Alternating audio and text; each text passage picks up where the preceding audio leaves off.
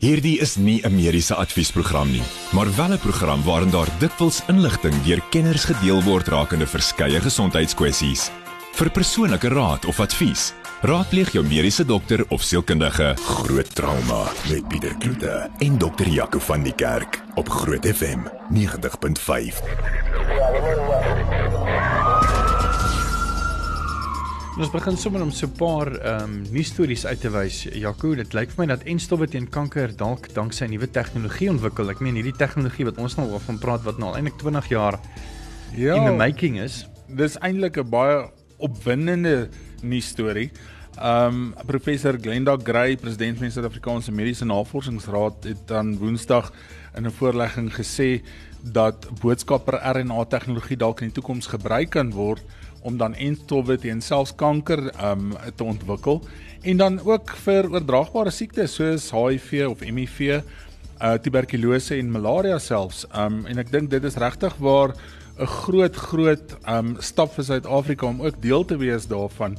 Um ek dink net as mens dink aan malaria en tuberkulose in ons land, is dit regtig waar 'n groot groot probleem en um, as ons begin met immunisasies daarteen of enstowwe daarteen kan dit regtig 'n groot groot verskil maak. Um ek dink um, ons ons wil hier teen uh, 2023 al um begin met inentings en um ek dink dit is 'n regtig ware 'n ding wat wat wat ons op trots kan wees in medisyne. Hmm, nee, verseker ons het nog 'n program. Ek dink ons moet weer 'n bietjie dit gaan herbesoek en weer 'n bietjie gesels oor um CRISPR en en hierdie nuwe bRNA tegnologie. Uh so ja, ek dink ons moet definitief 'n plan maak met dit. Dan Appelhof sê regulasies oor aanvullende medisyne is ongeldig. Ja, kom ons begin net eers om te verduidelik wat is en wat bedoel hulle met aanvullende medisyne? Kyk, aanvullende medisyne is enige iets wat mense op die apteek raak gaan koop wat nie 'n geskeduleerde middel is nie. Dis goed wat beweer dat hulle byvoorbeeld um gewigsverlies aan die hand kan of kan veroorsaak, um jou libido kan verbeter, voedingsmiddels wat insluit baie van die multivitamiene en aanvullings, um skoonheidsmiddels, voedingsmiddels wat al hierdie goed wat jy op die rak kry wat um wat sê hoeveel proteïene en hoe goed hy is en hoe vinnig jy spiere gaan bou as jy dit drink. Chinese medisinale produkte En tot op hede moes dit ook by SAPRA of die Suid-Afrikaanse um, Medisynebeheerraad geregistreer gewees het om dan beskikbaar te wees aan die publiek. En die appel het nou gekom en gesê dit is ongeldig en hy het daai hele um proses tersyde gestel wat beteken dit maak 'n groot groot gaping oop vir medikasies en en middels en multivitamiene en voedingsmiddels om op die mark te kom sonder dat dit geregistreer is by SAPRAN en ek dink dis 'n ding waaroor 'n mens bietjie bekommerd kan wees. Um want nou kan enige iets eintlik maar op die mark gesit word. Hmm. As jy sê dit is goed en dit is gesond, dan is dit hoe dit moet wees. Um en en en dit is dis nie altyd die waarheid nie, jy weet. Um as jy 'n multivitamiin drink, is dit 'n goeie ding. As jy te veel van hom inkry, is dit 'n slegte ding. Net soos wat enige ding enige goeie ding in oormaat is ook nie 'n goeie ding nie. So ek dink regtig waar ehm um, daar gaan waarskynlik appel aangeteken word deur SAPRA. Ehm um, ek sien ook in die artikel sê hulle die woordvoerder van SAPRA het gesê ehm um, die jongste hof uitspraak sal hulle dan bestudeer en dan 'n verklaring voor die einde van die week uitreik oor wat hulle dan nou verder gaan doen. Ehm um, maar ek dink nie hierdie bekleierery is verby nie en ek dink regtig waar dit maak 'n spasie oop vir gevaarlike medisyne om op die mark te kom. Ja, ek meen obviously is dan natuurlik weet die die goed en die en die sleg. Uh as mense kyk na produkte, maar ek meen ek dink as daar dan 'n standaard kom van ehm um, wat hulle moet registreer en dan beproef word, anders ja. is die FDA in Amerika, dan as hulle daardeur kan kom, dan kan hulle mos natuurlik bewys ja. dat hulle goed doen, jy weet. Ja, en ek verstaan baie van die maatskappye en selfs die die die groot etiese maatskappye wat wat geskeduleerde middels op die mark sit, sal vir jou sê dis 'n groot proses om deur SAPRA op die mark gesit te word. Dit vat baie lank, dit is 'n baie duur proses. So ek stem saam, dit dit is seker 'n omslagtige proses.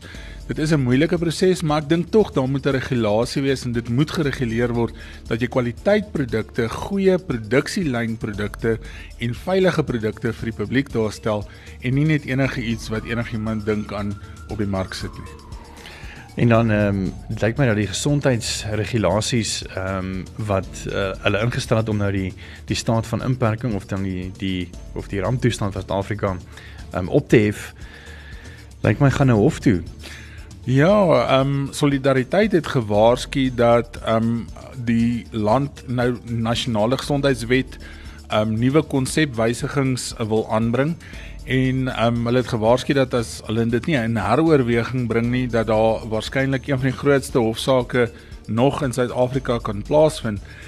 Nou die die bekommernis is oor hierdie konsepwysigings op die nasionale gesondheidswet is dat dit basies die reg van die persoon tot selfbeskikking en vryheid um, kan inperk. 'n Groot byvoorbeeld een van die goed wat hulle sê is mense met oordraagbare siektes wat um nie toegang het tot 'n aparte ensuite badkamer in hulle huis nie kan verplig word as hy 'n aanmeldbare siekte of oordraagbare siekte het om in 'n staatsinstelling te isoleer. Um en ons het gesien hoe dit, dit kan chaos wees. ja. Die ander ding is mense wat mag nie behandeling weier of weier om in 'n gerief van die staat te isoleer of in kwarantyne te wees nie en dit dink ek dreis bietjie in teen menseregte. Ehm um, dan ander een van die ander konsepwysigings is mense uh, by wie aanmeldbare siekte ehm uh, gediagnoseer is, mag nie weier om aan 'n mediese evaluering ehm um, hulle self te onderwerp nie en ehm um, selfs as liggaamlike monsters geneem word, mag hulle nie weier nie. Nou dit is ook eintlik swaalf Jy weet ons het geleer as jy 'n pasiënt sien, dan vra jy hom of hy kan bloedtoetse doen. Jy vra hom of jy ekstraal kan doen. As jy dit doen sonder sy toestemming, dan rand jy hom eintlik aan. Sure. Nou met hierdie um, uh, uh, wysigings um, kan die pasiënte dan nie weier nie, sou dit dan deurgevoer word. En dit beteken ook, ek meen die ander nagevolge wat wat nie lekker deur dink is nie. Dit beteken dat as 'n polisieman jou stop, dan kan jy nie weier om 'n bloedmonster te gee. Dis presies dit. Dit is presies dit. So ek dink dit is 'n dis 'n baie wye uitkring van van van 'n groot probleem wat kan kom en solidariteit het dan nou gekom en gesê hulle waarsku die staat dat dit waarskynlik op 'n groot hofsaak gaan uitdraai sou hulle nie hierdie goed in in in heroorweging bring nie. Mm. En ek dink regtig mense moet kyk die die basis van die van die grondwet is tog menseregte en gelykheid. Um en as hierdie goed deurgevoer word dan kan mense nie meer sê dit is deel van ons grondwet nie. So paar stories ons net hier na weer terug dan gaan ons 'n bietjie gesels oor 'n uh, Pelenomi Hospitaal wat nou in twee spesifieke ofwel ehm um, gevalle weer in die nuus gekom het en ook Ooskaap wat sukkel met ehm um, met mediese dienste en die meer so bly gerus ingeskakel daarvoor. Onthou ook aan die einde van die program is dit vra vir Jaco as jy enige vrae het vir dokter Jaco van die kerk kan jy is jy welkom vir ons te WhatsApp by 061 610 4576 onthou staan daar tariewe geld.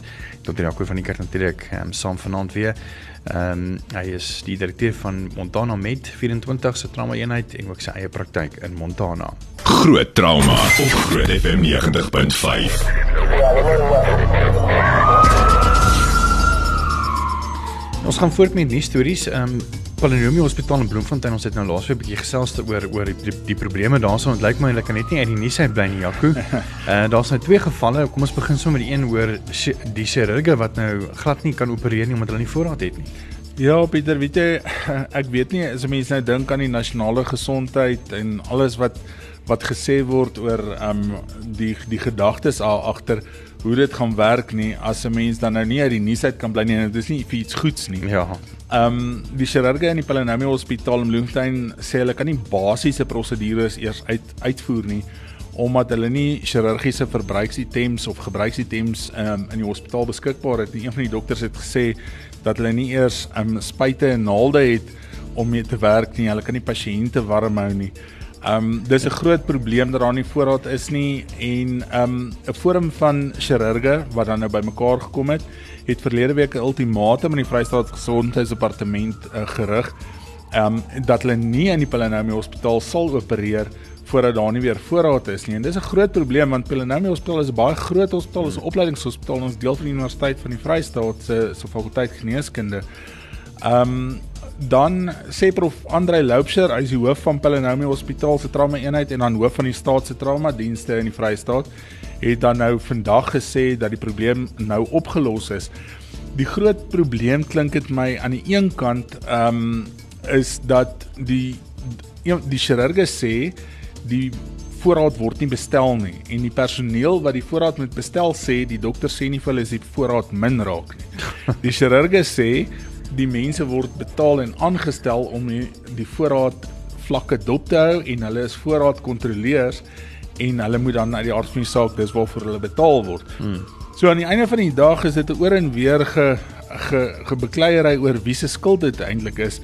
En as 'n mens gaan kyk na na die departement gesondheid se antwoord sê hulle um die woordvoerders van die van die Vrystaatse Gesondheidsdepartement sê dit gaan oor die um oorgang van die boekjaar die 2021-2022 teenoor 2022-2023 se begrotingstelsel en hulle wou die vlakke vir voorraad gehou het vir die Paasnaweek waar die trauma gevalle baie meer is. Jy weet, dis nou net een van daai goed ek dink nie jy gaan ooit die die die die skuldenaar of die, die skuldige kry nie omdat ehm um, niemand niemand wil eintlik eienaarskap neem van die probleem nie. Ek dink persoonlik ook nie dis die dokter se se plig hmm. om voorraadopnames ook te doen na elke operasie nie, veral nie omdat daar mense is wat betaal word om dit te doen nie. Maar aan die einde van die dag ook is daar nie voorraad is nie en die begroting is nie daar vir voorraad nie, kan jy ook nie daarmee werk nie. So ek dink dit is 'n groot komplekse probleem. Maar ek meen sekerlik word die ouens wat aan die voorraad beheer, ehm um, as ek nou die Engelse woord kan gebruik, issue ehm um, vanuit die hoofstoorkamer. So hulle kan mos heeltyd in die in die stoorkamer dan mos nou sien wat begin min raak en begin begin bestel. Uit die aard van die saak en en ek kan nie verstaan hoekom wag jy tot die laaste ding van 'n rak afgehaal word voordat jy die volgende ding bestel nie. Jy weet min of meer dit vat 'n dag of 2 of 3 voordat voordat wat jy wat jy bestel opdaag en en afgelewer word. Um as jy sien jy kom by 'n week se voorraad wat nog op jou rak is, bestel in want jy weet dit gaan nog 3 dae vat. So dan gebruik jy 3 dae van daai week en dan jy 4 dae se se se se se reserve oor. Maar dit lyk vir my daai somme is moeilik vir party mense. ja. En ons bly sommer by Pelomi of Pelonomi. Ehm um, dit lyk my dat uh, baie mense nie net die dokters nie maar weet die personeel wat daar werk ook nogal redelik bekommerd is oor die sekuriteit. Ek meen dit nadat twee psigiatriese uh, psigiatriese pasiënte ehm um, intiem was in die hospitaal. Ja, Pieter, dit is eintlik 'n baie ernstige ding. Dit dit klink aan die een kant lagwekkend want mense kan nie dink dat dit in 'n in die jaar 2022 kan gebeur ergens in 'n openbare area nie, maar twee psigiatriese pasiënte in die noodgevalle eenheid in Palanomi en die mense wat al ooit in Palanomi Hospitaal se noodgevalle was, weet dis 'n groot oop area. Um het van hulle klere ontslaag geraak en so intiem geraak dat um een van die dokters hulle moes um gaan keer en hulp ontbied om die hele betalje stop te sit. So, um, die dokters is half redelik ontstoke wat in daai area werk omdat daar nie sekuriteitswagte is wat help met die beheer van pasiënte nie. En almal wat in 'n groot staatshospitaal se trauma eenheid al gewerk het, sal weet dit raak baie keer de mekaar. Jy het van 'n psigiatriese pasiënt tot 'n dronk pasiënt tot 'n hoofbeseerde pasiënt en alle almal is de mekaar en dit is 'n geraas en is 'n de mekaar spul. En mense het tog maar mense nodig om te kyk wat doen die mense terwyl hulle in die trauma eenheid is. Dit pla dat daar 'n foto is en 'n foto geneem is van wagte wat slaap terwyl hulle moet werk en dan gebeur hierdie tipe goed. En dit nadat um die regering vir die Suid-Afrikaanse Mediese Vereniging hulle hulle belofte gemaak het nadat daar twee dokters verkragt is in Palanomi Hospitaal um so so redelik onlangs. En die dokters eers geweier het om daar te werk na ure omdat dit nie nie veilig is vir hulle daar nie. En nou sit jy weer met die situasie dat die wagte wat aangestel is slaap terwyl hulle moet werk. En dis 'n groot groot krisis en dit bly 'n gevaarlike area is 'n 'n trauma eenheid is 'n gevaarlike area om te werk omdat jy die mekaar pasiënte baie keer het psigiatriese pasiënte het en ehm um, ja jy jy beheer nodig wat daar dan uit die aard van die saak nie is nie Ons net hierna weer terug. Groot trauma met Pieter Kloete en dokter Jaco van die Kerk op Groot FM 90.5. Jaco gesels vanaand 'n bietjie oor twee onderwerpe. Ons gaan begin met hemofilie en jy gaan nou vir my sê wat dit is want ek het nie 'n klou wat dit beteken nie. En dan so 'n bietjie later, um, dit was die afgelope week wêreld uh, bewusmaking vir malaria en ons gaan 'n bietjie hoor wat is weet waar kom die naam van malaria vandaan. So bly gerus ingeskakel daarvoor. Dan natuurlik in 'n ander van die program is dit vra vir Jaco as jy enige mediese vrae het. Dit hoef nie op ons onderwerp ehm um, uh, of oor ons onderwerp te wees nie. Jy kan maar net vir ons 'n WhatsApp stuur met jou vraag na 061 6104576 onthou standaard tariewe geld. Jaco, hemofilie. Pieter, hemofilie is eintlik 'n groepnaam vir 'n groep oor erflike siektes waar die probleem is dis 'n genetiese siekte waar die liggaam se vermoë om bloeding te beheer of die bloedingsneiging te stop belemmer is.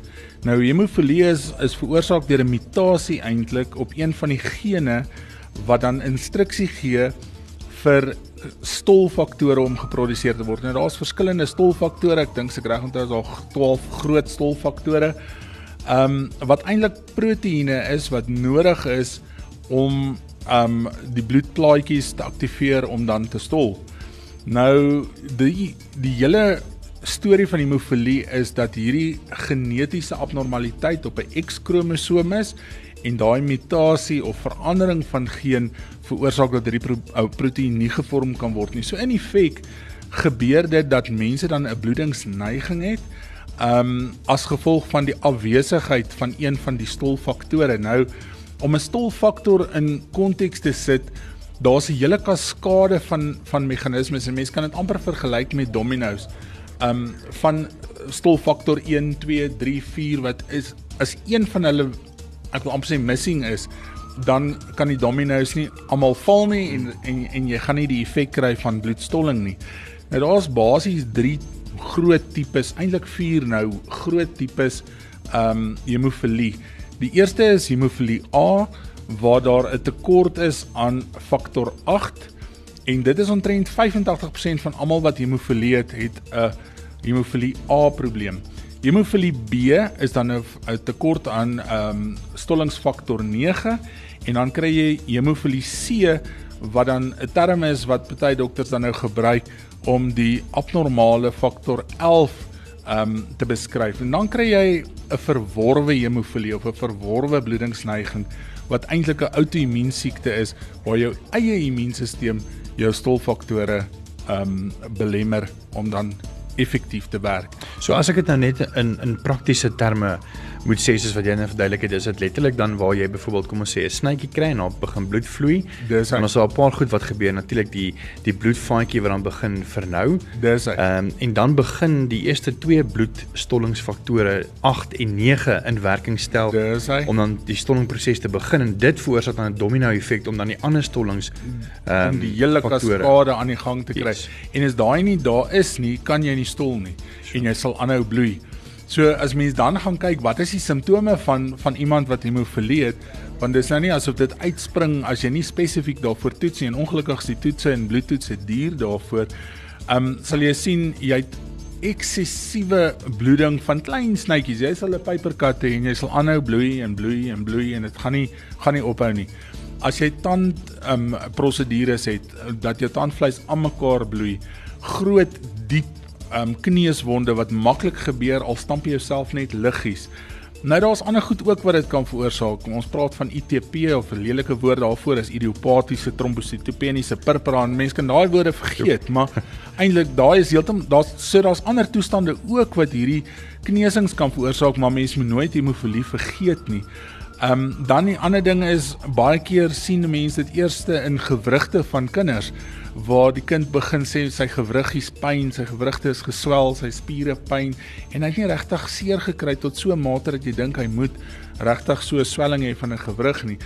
Um neusbloedings, um geïrriteerde kindertjies. Met ander woorde, jy kan spontane breinbloedings kry, né? En en 30 tot 30% van mense kan doodgaan van 'n spontane breinbloeding wat hemofilie het wat onbehandel is en dis dis nogal ernstig hmm. dink ek.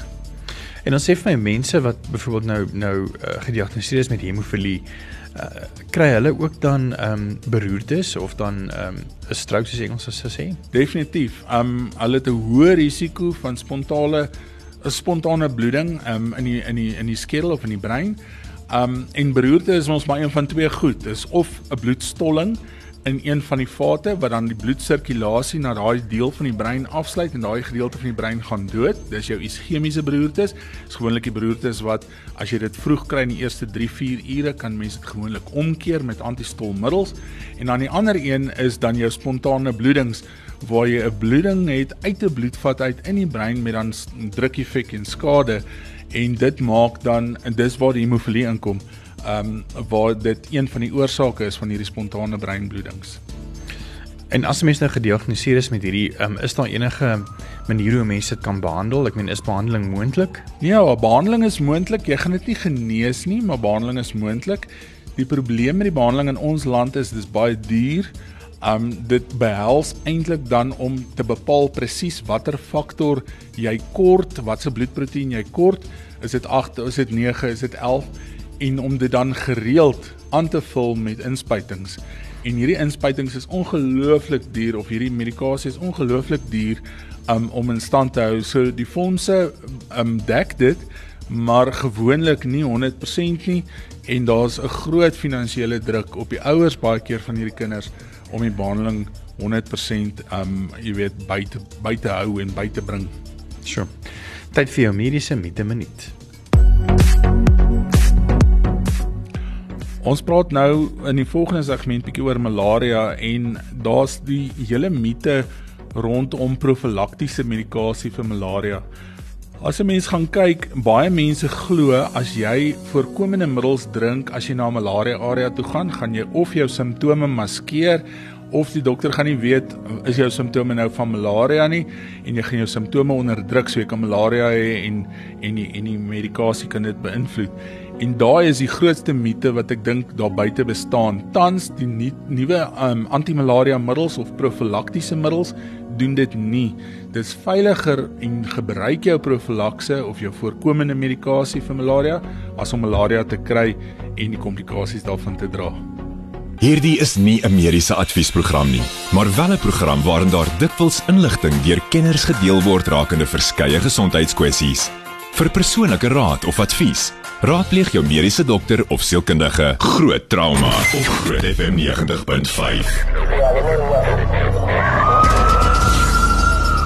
Dis wêreld malaria bewusmaking en ons gaan 'n bietjie vanaand gesels oor malaria en ek sien Johan sê so ivermectin vir profylaktiese behandeling vir malaria.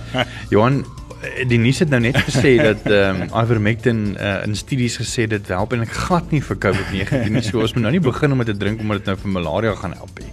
Ja, dis dalk die volgende stap, né? Nee. Ai, weet jy. Ehm um, Jaco, wat beteken malaria? Ek dink ehm um, Ja, Jacques Koning het al van tevore van gesê maar ek het skoon vergeet. Ja, dis 'n baie oulike oulike manier om dit te onthou. Die woord malaria ehm um, kom van twee woorde wat eintlik mal en area is wat bad air of slegte lug in die um medieval Italiaans beteken. So die um die die Romeine het gedink dit is 'n siekte wat kom van hierdie sleg rykende dampe wat van die swamps afgekom het in hulle areas. En eintlik was dit die muskiete, die um Anopheles muskiet wat um basies op hierdie swamps eintlik vir of wel geteer het en en geleef het en dis waar hulle larwes vandaan kom en is die muskiete wat die wat die malaria gedra het maar hulle het geglo dis hierdie slegte lug of hierdie vrot rykende lug wat vir hulle hierdie siekte doen en dis waar ja. malaria vandaan kom dis baie interessant en ehm um, mense uh, ons praat nou eintlik maar oor COVID-19 ook die afgelope 3 jaar of 2 jaar nogal redelik baie en ek weet in die nuus soos laas jaar en die jaar van tevore toe COVID net begin het was daar baie gesê dat mense moenie malaria simptome met COVID-19 ehm um, en vice versa ehm um, mis mis nie. Weet jy jy dink jy het COVID maar eintlik het jy malaria. Ja, Pieter, baie van jou malaria ehm um, simptome en COVID simptome oorvleuel, jy weet die hoofpyn, koors, lyfseer um, jy kan verkoue simptome kry.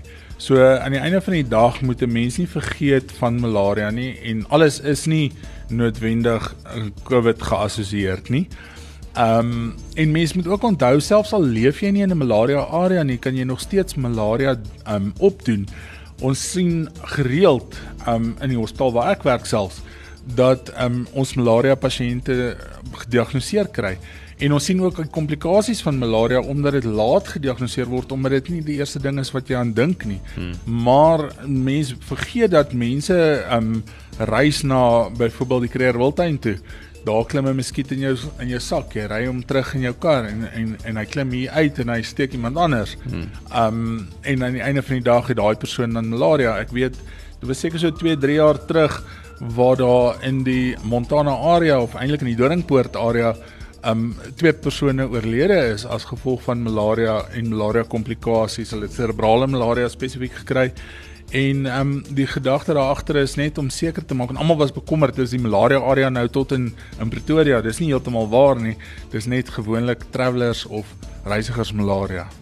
En ons sekere tipes van malaria. Mens kan nie net weet een spesifieke een nie. Ja, daar's basies 5 tipes malaria. Ehm um, die algemeenste een en die een wat meeste gevaarlik is vir ons is ehm um, Plasmodium falciparum. Dis die een wat algemeenste getoets word. Jy kry jou um Plasmodium vivax en ovale en dan kry jy Plasmodium malariae en jy kry Plasmodium knowlenski. So daar's verskillende tipes malaria, maar die die die belangrik is vir ons is gewoonlik um die falciparum malaria. Vivax en ovale kan gebeur, maar die algemeenste is maar falciparum uh malaria en dis een wat die meeste komplikasies ongelukkig ook veroorsaak.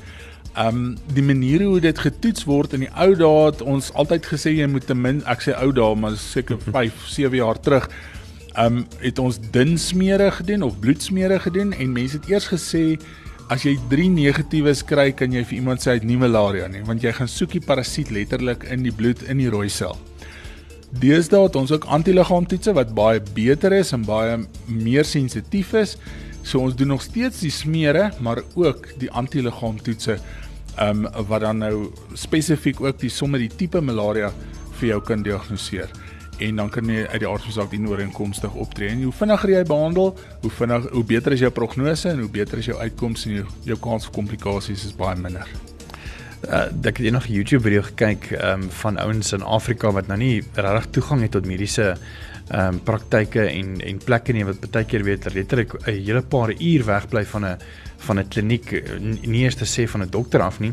En ehm um, hulle meen dat 'n mens weet net as hulle 'n toets vir vir vir malaria dat hulle letterlik net die persoon se bloed in 'n proef bysit en hom dan vasmaak aan 'n toutjie en 'n rekkie en hom baie vinnig spin en dan soos wat hy spin dan gaan lê die die rooi bloed onder en dan heel bo is daar dan die die wat hulle onder, onder mikroskoop kyk ja. die, die wit gedeelte wat dan die Dis hy.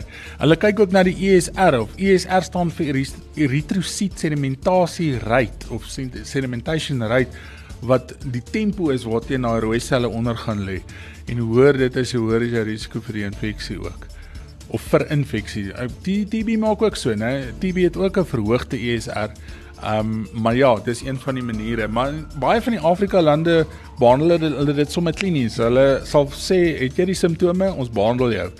Want hulle is bang vir serebrale malaria of breinaantasting en dan ook die ou mense sal weet van swartwaterkoors waar die mense renale malaria of nieraantasting gekry het en daai persone het dan al die gewone malaria simptome, maar éventueel begin hulle urine letterlik soos soos ehm um, coke lyk. Hmm. En ehm um, 'n mens sterf dan van van nierversaking aan die einde van die dag. Sure, en dit is natuurlik behandelbaar as dit vroeg te gediagnoseer word of nie. Ja, jy weet, ek dink dis een van die van die hartseer stories van malaria. Ek dink dis een van die algemeenste siektes wat in Afrika nog steeds mense doodmaak. Um, en dis 'n baie donker prentjie, maar dis een van die 100% behandelbaar en voorkombare um, uh, siektes. Die medikasie wat ons gebruik raak net al hoe beter en beter en beter.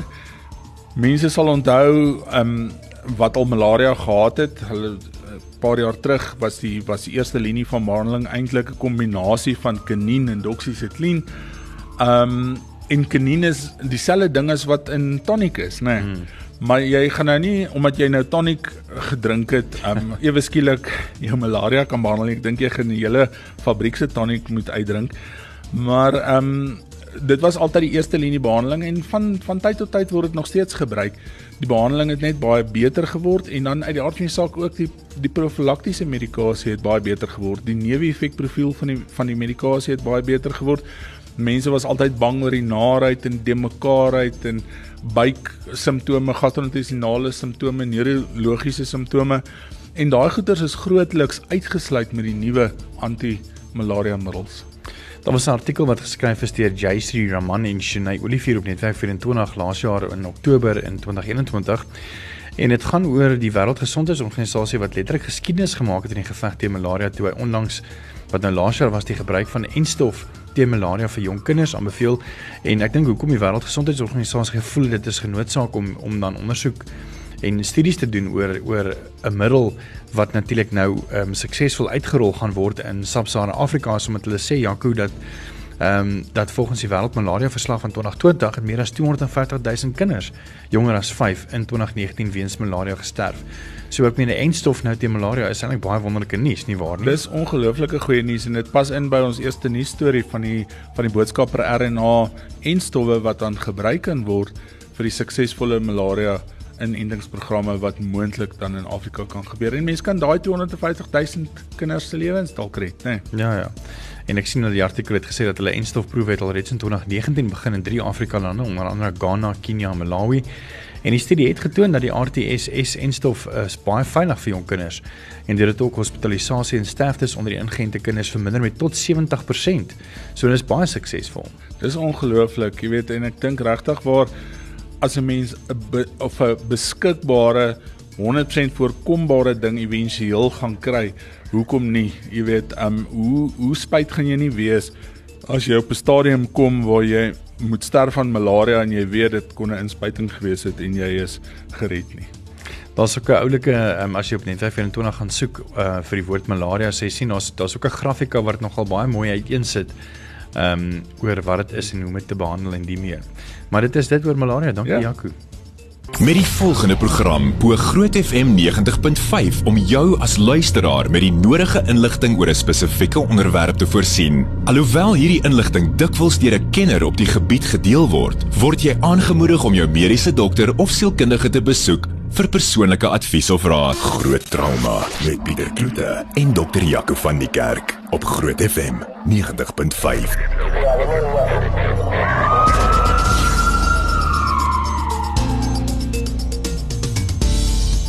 tyd vir vrae vir Jaco op Groot FM 90.5. Baie dankie vir die vrae wat hier gekom het. Ehm um, nog steeds ek wag nog vir die dag wat daar 'n vraag gewees het wat ons vir Jaco gaan vasvra. Maar ehm um, ek sien iemand vra hierso en ek dink ons begin sommer met hom. Dit is van Wilma Legrandsie af en sy is daar van Vrede of sy sê maar net Vrede. Sy sê goeienaand Pieter en Jaco. Hoe lank nadat jy COVID positief was, mag jy gaan vir jou booster inenting teen COVID?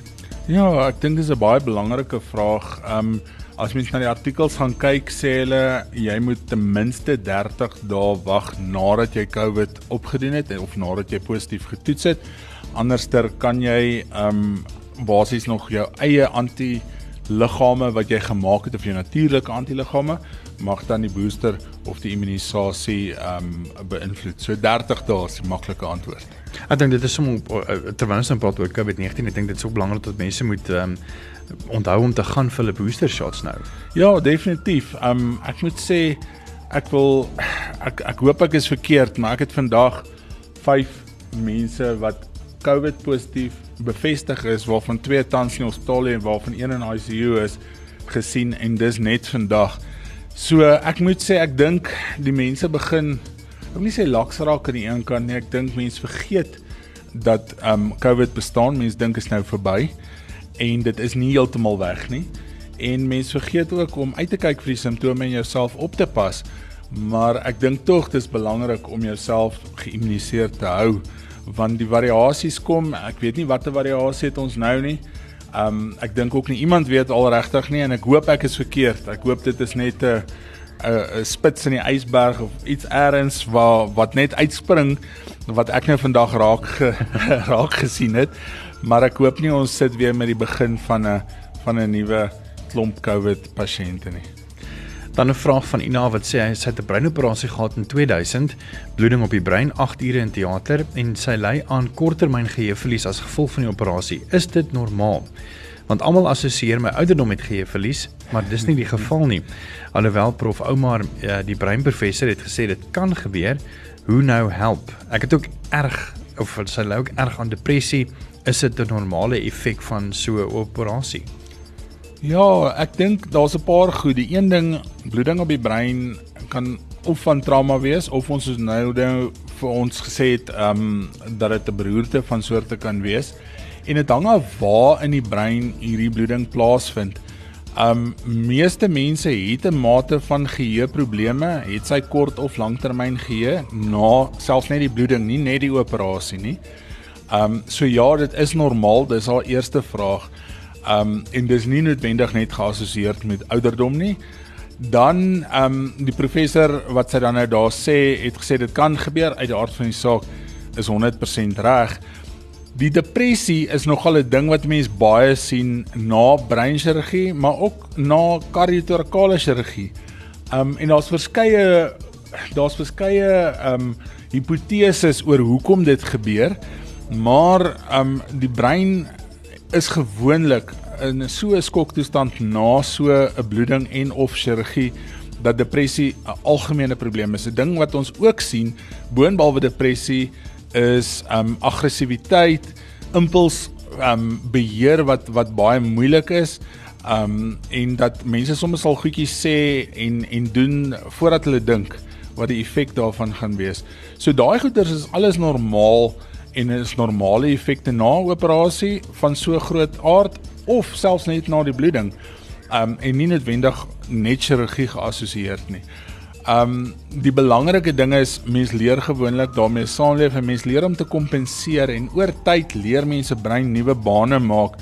So mens leer tog om jou geheue te verbeter en daar's oefeninge wat mens kan doen om jou veral korttermyn geheue te oefen.